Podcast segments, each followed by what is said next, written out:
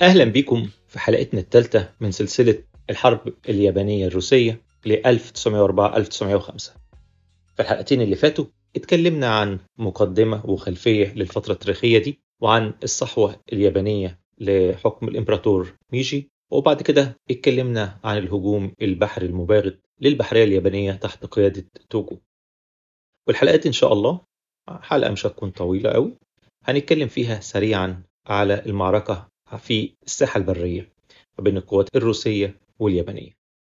لكن قبل ما ندخل الحلقة اللي جاية أرجوكم ممكن توقفوا البودكاست أو الفيديو لحظات صغيرة وتعملوا ريفيو أو تقييم لفواصل ثقافية على أي منصة من المنصات اللي بتسمعوا الحلقات دي عليها. وده لأن الألجوريثمات سواء بتاعة البودكاستات أو بتاعة اليوتيوب أو الفيسبوك للأسف مش بتساعد البرنامج في العالم العربي خصوصا. تقييم حضراتكم لفواصل ثقافية وكلمتين تعرف المستمعين المحتملين بإيه محتوى البودكاست أكيد هيزود في انتشار فواصل ثقافية. شكرا لكم ويلا بينا نبدأ حلقتنا. قبل ما ندخل في أحداث الحرب ذات نفسها خلينا نعدي على بعض مقولات وتعليقات المؤرخين والمعاصرين للفترة دي من تاريخ روسيا ومن تاريخ اليابان. صحيح إن البني آدمين كلهم مش مية واحدة ولا طينة واحدة وحتى الاخوات بيختلفوا في الطبع. لكن عامة بيكون في سمت عام لأي مجموعة من البشر بتعيش في مكان معين سواء من النشاط أو الحيوية أو اللهفة على التعليم أو البعد عنه وصفات تانية زي الشجاعة والإستعداد للإبداء بالرأي والتضحية. دي صفات فعلا بتختلف من شخص لشخص لكنها بتكون في مستويات أعلى أو أقل بناء على التركيبة الاجتماعية والسياسية للمجتمع. يعني المجتمعات اللي بتتيح للأفراد إنهم يعبروا عن رأيهم هنلاقي فيها ناس أكتر فعلا بيعبروا عن رأيهم. والمجتمعات طبعا المقفولة الدكتاتورية هيبقى استعداد الناس للتعبير عن رأيهم حتى في الأمور اللي ملهاش علاقة بالسياسة مثلا هتكون أقل. عشان كده لما نلقي نظرة على المجتمعات هنلاقي الصفات بتختلف من مكان لمكان. وبناء عليه المراقبين للشعوب اليابانية والروسية في الوقت ده خصوصا الجنود بيدوا آراء من الناحية دي. يعني مثلا كان مشهور جدا عن الروس عامة والجنود الروس والبحارة إن دايما بيكون ليهم قابلية أكتر للكآبة ولعدم الاحتكاك وعدم التعبير عن الرأي رغم إن الروس عندهم يعني حضارة وثقافة عميقة لكن معظمها دايما بتبقى تحت السطح. وقليل منها اللي بيطلع عبر الأعمال الأدبية مش عبر الصحافة خصوصا تحت روسيا القيصرية اللي كانت نظام قمعي من الطراز الأول. صحيح يعني اليابان ما كانتش دولة ديمقراطية تقدمية بحق حقيقي وإن كان طبعا تحت دولة ميجي حصل رتوش كده وتحديث للدولة على النظم الأوروبية الغربية شوية كده من فرنسا على شوية أكبر من ألمانيا. لكن النظام الياباني كان بيدي حقوق وأولوية ضخمة جدا للمواطن والمجتمع وأكتر طبعا بكتير للمجتمع. وعشان كده كان المواطن في اليابان وهكذا برضو الجنود في الجيش بيبقى عندهم استعداد للتضحية لأن هو بيحس إن هو بيضحي لهدف أسمى فعلا وهو المجتمع والبلد والحكومة بالتالي بتديله خدمات كتير. بيبقى عنده استعداد للتضحية. ناهيك على إنه مجتمع مغلق لفترات طويلة وليه لغة واحدة مش بتأثر باللغات اللي بتجيله من بره عشان هي مش مشتركة مع دول أخرى فكان بيصدق جدا الخطاب اللي بيجيله من الحكومة بتاعته. فمعيشة على أرض الواقع كويسة واحترام ليه واحترام للمجتمع والقيم المجتمع فكان بيصدق الخطاب ككل. على عكس الروس اللي كان الخطاب ملوش علاقة باللي موجود على أرض الواقع. وده مش مجرد عشان فساد الحكومة الروسية اللي هو أكتر بكتير من الحكومة اليابانية بل وكمان عشان العشوائية والفوضى واتساع المسافات الكبيرة ما بين أنحاء الدولة الروسية المترامية. واتساعها بيخلي فيه مستويات متباينة من التعليم ومن المعيشة بل ومن الثقافة. عشان كده نلاقي إن اليابانيين فاهمين بعض أكتر وحضارتهم قريبة من بعض حتى الطبقات المختلفة والطبقات الاجتماعية أو العاملة يعني طبقة الساموراي غير طبقة التجار غير طبقة الصيادين لكنهم قريبين من بعض وبيحتكوا ببعض أكتر بكتير. عشان اليابان رغم كل شيء صحيح جزر لكنها قريبة من بعض بتجمعها مساحة جغرافية محدودة. كمان كان من المقولات الشعبية المشهورة عند الروس في الجيش الروسي يقول لك ساعة قبول الضباط في الكليات الحربية بينقوا الناس بناء على قابليتهم. قابليتهم للشرب أنت سكير يبقى ناخدك في البحرية. أنت غبي ناخدك في المشاة. والكلام ده ليه علاقة أكتر بطبيعة معيشة المجندين والضباط في البحرية الروسية. زي ما قلنا في الحلقات اللي فاتت روسيا رغم ضخامتها الكبيرة إلا إن ما كانش عندها أي ميناء ليه أكسس أو دخول للمياه طول السنة. دايما عشان في الشمال معظم موانيها ساعة الشتاء المية اللي حواليها بتتجمد. عشان كده كان نفسهم جدا في بورت أرثر وبيحاولوا ياخدوه بأي طريقة. فنتيجة إن البحرية الروسية في كل الأماكن اللي الموانئ بتاعتها بتبقى مقفولة لفترات طويلة من السنة اللي بيحصل إن البحارة والظباط بيطلعوا على المواني ويقضوا الشتاء الطويل ده في أوقات ما قبل انتشار الصحافة ناهيك عن التلفزيون والإنترنت كان الناس ما بتلاقيش حاجة تعملها غير إن هي تشرب وتسكر. ناهيك عن إن كتير من المجندين بقى اللي بينضموا للبحرية الروسية أصلا فلاحين جايين من أعماق روسيا. الزراعية أو الجبلية. ما يعرفوش أي حاجة عن البحر. على عكس اليابانيين اللي كتير جدا منهم كانوا صيادين بحكم إن اليابان كلها عبارة عن مجموعة من الجزر ولو مش صيادين فليهم خبرات ومعرفة كبيرة بالبحر. تغيير التعليم الياباني الكويس جدا ومش هنقول بقى متفوق ان هو موجود على عكس روسيا. كتير جدا من المجندين في صفوف الجيش الروسي كانوا أصلا جهلة أميين ما يعرفوش يقروا ويكتبوا. على عكس اليابانيين في صحوة ميجي تم بناء أكتر من خمسين ألف مدرسة في عموم اليابان فالجيل اللي دخل الحرب بتاعت 1904 هو جيل مر بنظام تعليمي وبيعرفوا يقروا ويكتبوا ويتعاملوا مع التكنولوجيا اللي في الوقت ده تعتبر تكنولوجيا حديثة. يعني شخص ما بيعرفش يقرأ ويكتب يبقى صعب عليه إن هو يقرأ مثلا مانيوال أو كتيب إرشادات عن إزاي السلاح ده بيتجمع أو بيتفكك أو الناس في العالم إزاي ممكن يتعاملوا معاه. ناهيك إن هو يقرأ الإرشادات الموجودة على الجهاز ذات نفسه. يعني واحد ما بيعرفش يقرأ ويكتب القائد بتاعه أو الرتبة الأعلى منه هتقول له بتتعامل إزاي. هو مش يقدر يجود عليها. ناهيك عن إن الأشخاص اللي بيبقوا جاهلين ما بيقدروش يقروا صحافة فبتبقى آرائهم كلها مستقاة من المجتمع اللي حواليهم وبيبقوا عرضة أكتر لتصديق الشائعات. فالحاجات دي كلها بتأثر على معنويات الجنود على أرض المعركة. فعندنا كده جندي أو بحار ياباني على مستوى تعليمي أعلى نفسي أعلى عقائدي كمان أعلى بحس إن هو بيحارب لوطنه وللإمبراطور بتاعه المقدس وشايف إن الناس دي فعلا بتهتم بيه على أرض الواقع. على عكس الروسي اللي شبه اتخطف من قريته أو من بلده وبيخدم مع ناس ما يعرفهمش بياكل أكل وشرب رديء وبينام في أماكن سيئة وبيحارب حرب هو ما اتدربش عليها. على عكس اليابانيين اللي قوتهم اتدربوا مع الأوروبيين ونقلوا لهم التدريب على مستوى معقول. ودايما خدوا بقى من قيم الألمان والأوروبيين ودربوهم بطريقة معقولة. عشان كده كتير من المراقبين والمحللين قبل أصلا الحرب ما تقوم لما شافوا الجنود اليابانيين والبحارة قال لك والله دول جنود ممتازين. وفي ناس اعتبروا إن اليابانيين دول أحسن جنود مشاة في العالم. كتر ما هم مطيعين ومنتبهين وبيقوموا بالمهام اللي بتطلب منهم بمنتهى الدقة.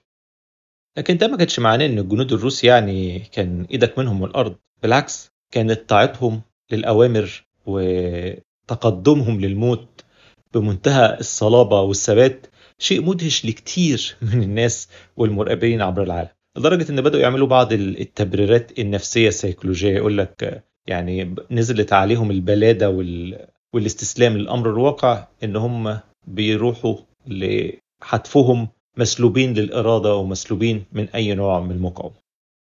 لكن يعني بعيدا عن التحليلات النفسية الفوقية الأوروبية اللي دايما بيبصوا لروسيا نظرة متعالية إلا أن فعلا ده كان شيء غريب ومحير لكتير من اللي راقبوا سلوك الجنود الروس على مر التاريخ بداية من أيام نابليون اللي كان متخيل أنه هيكتسح روسيا بمنتهى السهولة. لكنه فوجئ بالرد القوي العنيف بتاع الروس اللي قعدوا طردوه جوه أوروبا وصولا لباريس ذات نفسها. وبعد كده هنشوفه في حوادث كتيرة في مواجهات ما بين الأوروبيين الغربيين وما بين الروس. وأشهرها طبعا في الحرب العالمية الثانية اللي يعني ناس كتير كانوا بيشدوا في شعرهم. إزاي الروس بعد ما ستالين يعني سامهم كل أنواع العذاب وجوعهم وبهدلهم إزاي قدروا يتجمعوا ويمشوا وراه ويطردوا النازيين الألمان رغم كل اللي حصل فيهم ده. يعني إزاي الإدارة والحكومة كانت مبهدلهم وإزاي يمشوا وراها بعد كده وفعلا يقهروا عدوهم اللي هو الغزاة الالمان لكن خلونا ما نحاولش نعمل يعني محاولة لتوصيف الجندي الروسي عبر التاريخ وإيه اللي بيتدخل في معنوياته وخلينا نرجع لساحتنا ساحة معركة 1904 1905 لما نتفرج في طريقة تعامل الجنود من ناحيتين هنلاقي إن الاتنين كان عندهم نوع من القسوة سواء الجنود أو القيادات بتاعتهم طبعا. خصوصا في التعامل مع السكان المحليين اللي هم الكوريين والصينيين. إحنا قلنا إن هيبقى في إنزال ياباني في كوريا ومنهم ه... ومن هناك هيتقدموا ناحية منشوريا عشان طبعا يحصروا بورت آرثر. ففي طريق دخولهم كان في دايما تعامل ما بين اليابانيين احتكاك منهم وما بين اليابانيين والكوريين وبعد كده الصينيين وهكذا برضو ما بين الروس والصينيين والكوريين. المراقبين لقوا إن الاثنين كانوا بيعاملوا السكان المحليين بمنتهى القسوة والاحتقار لكن اليابانيين كانوا أفضل شوية في ناحية إن هم بيكافئوا الجواسيس أفضل. يعني اللي يديهم معلومات يدوله مقابل مادي مجزي. على عكس الروس اللي كانوا عاوزين معلومات ببلاش تقريبا. وعشان كده الجواسيس كانوا بيتعاونوا أكتر مع اليابانيين. وهنشوف بعد كده واليابانيين بيتحركوا من الموانئ الكورية للعمق الكوري وبعد كده جوه الصين كتير من السكان المحليين هيعرضوا خدماتهم وهيشاركوا مع اليابانيين إن هم يكونوا خدمات وهيئات معاونة. عمال بنايين خدم وهكذا. على عكس الروس المؤشفرين مش هنلاقي إن الناس إيه مستعدة إن هي تخدمهم بسهولة. كان دايما بيتم استخدامهم بالقهر أكتر. فبناء على الكرم النسبي أو العملي لليابانيين كان عندهم معلومات أكتر بكتير عن ان الروس فين سفنهم بتتحرك فين القوات بتاعتهم بتتحرك إزاي. فالمعلومات الاستخباراتية بتاعت اليابانيين كانت أفضل. والتفوق الاستخباراتي الياباني ده ما كانش بس على أرض المعركة بل اليابانيين ومن أول الحرب ومن بعديها كمان دايما هيتفخروا بأنه عندهم شبكة استخبارات قوية بتديهم معلومات جوه أوروبا وروسيا نفسها. وده الحقيقة هيعمل نوع من اللخبطة نوبات من الخوف والشك جوه روسيا القيصرية وهتحصل حملات كتيرة جدا من القبض على الأجانب والناس الغريبة جوه روسيا نفسها خوفا من إنهم يكونوا جواسيس أو مخربين تابعين لليابان. ولعل في مفارقة غريبة إن قادة الجيوش اليابانية والروسية في الحرب دي الاتنين حضروا معركة سيدان المصرية في سبتمبر 1870 ودي المعركة اللي الألمان تحت قيادة بروسيا هيقضوا على القوات الإمبراطورية الفرنسية. وكان يعني ليها تأثير كبير على تاريخ أوروبا بعد كده. والقائدين دول هيكون ال field marshal أو المشير الياباني إيوا أوياما والجنرال الروسي أليكسي كيروباتكن لكن تأثير المعركة دي على اليابانيين كان أكبر بكتير من الروس اللي يعني كانوا بيعتبروا نفسهم يعني عندهم تراث ضخم من العسكرية والنجاح العسكري لدرجة أنهم ما تأثروش بحدث مهما كان مهم في أوروبا لأن تاريخهم أهم وأكبر وأعمق.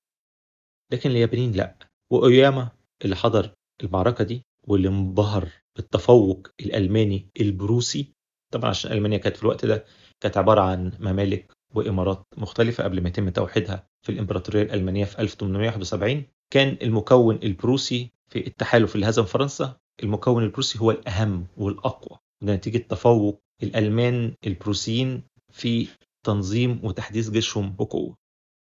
ولما أوياما هيرجع اليابان هو هيكون من أهم الناس اللي هيكونوا الجيش الإمبراطوري الياباني الحديث هيعتمد على الألمان واللي على شافه من تدريبهم. مش كده وبس بل وهيستدعي هو والقادة الألمان الجنرال البروسي المهم جاكوب ميكال والراجل ده هيجي هيقعد في اليابان حوالي 3 4 سنين لكن خلالهم هيعيد تشكيل الجيش الياباني من الصفر تقريبا ويتحول لجيش بيعتنق التكتيكات والاستراتيجيات الألمانية البروسية. وده هيرتفع بمستوى الجيش الياباني بقوة لأن زي ما هنشوف في السياقات القرن بعد كده اللي هو القرن العشرين الجيش الألماني اللي هو مبني على الأسس البروسية هو أحسن وأقوى جيش في العالم هيأدي في الحرب العالمية الأولى. يعني الجيش ده لوحده كان شايل الجبهتين الجبهة الغربية موقف بريطانيا وفرنسا والجبهة الشرقية قصاد الإمبراطورية الروسية الضخمة. ففعلا كان جيش متفوق وقوي. ناس كتير بيتخيلوا إن جيش هتلر النازي في الحرب العالمية الثانية هو أقوى جيش ألماني في التاريخ. لكن الخبراء العسكريين يقول لك لا لا لا الحظ خدمهم كتير على عكس ما الناس ما تتخيل. الجيش الألماني بتاع الحرب العالمية الأولى هو فعلا أقوى وأكثر جيش حرفية في تاريخ ألمانيا. المهم بناء على المبادئ والتدريبات الألمانية الأساسية الجيش الإمبراطوري الياباني بقى جيش محترف وعلى مستوى عالي جدا من الحرفية والانضباط. وكان أول تجلي لحرفية الجيش ده في الحرب اليابانية الصينية الأولى اللي هي كانت 1894 95 اللي اتكلمنا عنها سريعا. وعلى فكرة الحرب دي يعني ليها دور مهم في سيرة أوياما لأن ده كان أول اختبار بقى ليه هو على أرض المعارك وقابل فيها بلاء يعني عظيم لدرجة إن هو بعد ما خلص تم ترقيته لرتبة ال field marshal وخد منصب في طبقة النبلاء اليابانية محترم جدا. واللطيف إن من أهم إنجازاته بقى في الحرب اللي هي الصينية اليابانية الأولانية دي اللي هي بتاعت 1894 إن أوياما كان هو المسؤول عن حصار بورت أرثر. لكن في الحربنا دي كان الراجل كبر شوية في السن وبقى أهم واحد في الفريق بتاعه هو الجنرال جنتارو كوداما وده كان زي رئيس الأركان بتاعه وهو اللي هيكون ليه دور أكبر في معركتنا اللي هي المعركة اليابانية الروسية. على الجانب الآخر أليكسي كروباكتن ورغم أن هو كان يعني عسكري روسي لتاريخ كبير ومشرف أهمها أن هو تولى وزارة الحربية ذات نفسها في وقت من الأوقات إلا أنه كان راجل بيروقراطي بطريقة كبيرة. وحتى الفترة اللي تولى فيها لوزارة الحربية ما عملش إنجازات كبيرة رغم أن كان عنده طموحات أن هو يحدث الجيش الروسي إلا أنه على أرض الواقع يعني فكره وطريقة إدارته ما كانتش مساوية لطموحه العالي. اللطيف بقى في كروباتكن إن هو كان رغم إن هو تولى قيادة القوات البرية إنه ما كانش متحمس للحرب مع اليابان. هو ده ليه سبب مهم جدا. هو إن هو في 1903 زار اليابان واتعرف على أحوال الجيش الإمبراطوري الياباني. وانبهر جدا بنظامه وبحالة الجنود بتوعه. فلما بقى في كلام جوه روسيا إن يلا بقى نحارب اليابان ونزحهم بعيد ونقضي على خطرهم والكلام ده يعني كان بيتردد قبل الحرب أصلا. كان هو ضد الكلام ده خالص. يقول لهم لا لا يابان إيه اللي نحاربها الناس دي يعني جيشهم كويس وقوي. فالراجل رايح يقود معركة هو مش عاوزها بل وكمان مقلق من مستوى جنوده قصاد جنود اليابانيين اللي شاف مستواهم في الحقيقة وتدريبهم وكفاءة تدريبهم. فالراجل فعلا من أول أما يروح هيقرر إن هو يقود حرب دفاعية في انتظار وصول الإمدادات من الجانب الأوروبي من روسيا. عبر خط السكك الحديد الطويل اللي بيقطع سيبيريا واللي كان لسه مخلص. لكن اليابانيين مش هيستنوه وعلى طول هيعملوا إنزال ولا إنزال وبسرعة هيحتلوا كوريا كلها وتفرض عليها الحماية لحد ما يتم إعلانها جزء من الإمبراطورية اليابانية وده هيبقى في حدود 1911 اليابانيين وعبر الاستعانة ببعض القادة اللي كانوا موجودين في حرب 1894 بسرعة يمشوا على الساحل الغربي لشبه الجزيرة الكورية لحد ما يوصلوا لنهر يالو وده يعتبر منطقة استراتيجية مهمة لأن هي اللي بتفصل كوريا عن الصين وهناك يقدروا يلفتوا انتباه القوات الروسية ويعبروا النهر وبعد كده يشنوا هجوم بالمدفعية الثقيلة اللي هي جايبينها بقى المرة دي منين؟ من ألمانيا يعني هم جابوا السفن من بريطانيا لكن المدافع الألمانية من شركة جروبس أحد أهم قلاع الصناعة العسكرية في ألمانيا. وهناك بيسحقوا القوات الروسية. بعد كده بتوصل إمدادات يابانية أكتر والجيش الألماني يتقسم نصين. جزء بيتجه غربا عشان يحاصر بورت أرثر وجزء تاني يتجه شمالا عشان يوقف ويقطع الطريق على أي إمدادات روسية هتوصل للمنطقة. خلونا نقف هنا نكمل إن شاء الله الأسبوع الجاي لكن بعيد رجائي تاني. لو سمحتم ادخلوا واعملوا تقييمات لفواصل ثقافية على منصات البودكاست اللي بتسمعوها ويكون لطيف طبعا لو عملتم تقييمات على اليوتيوب واشتركتم في القناة. شكرا وأشوفكم على خير الحلقة الجاية. مع السلامة.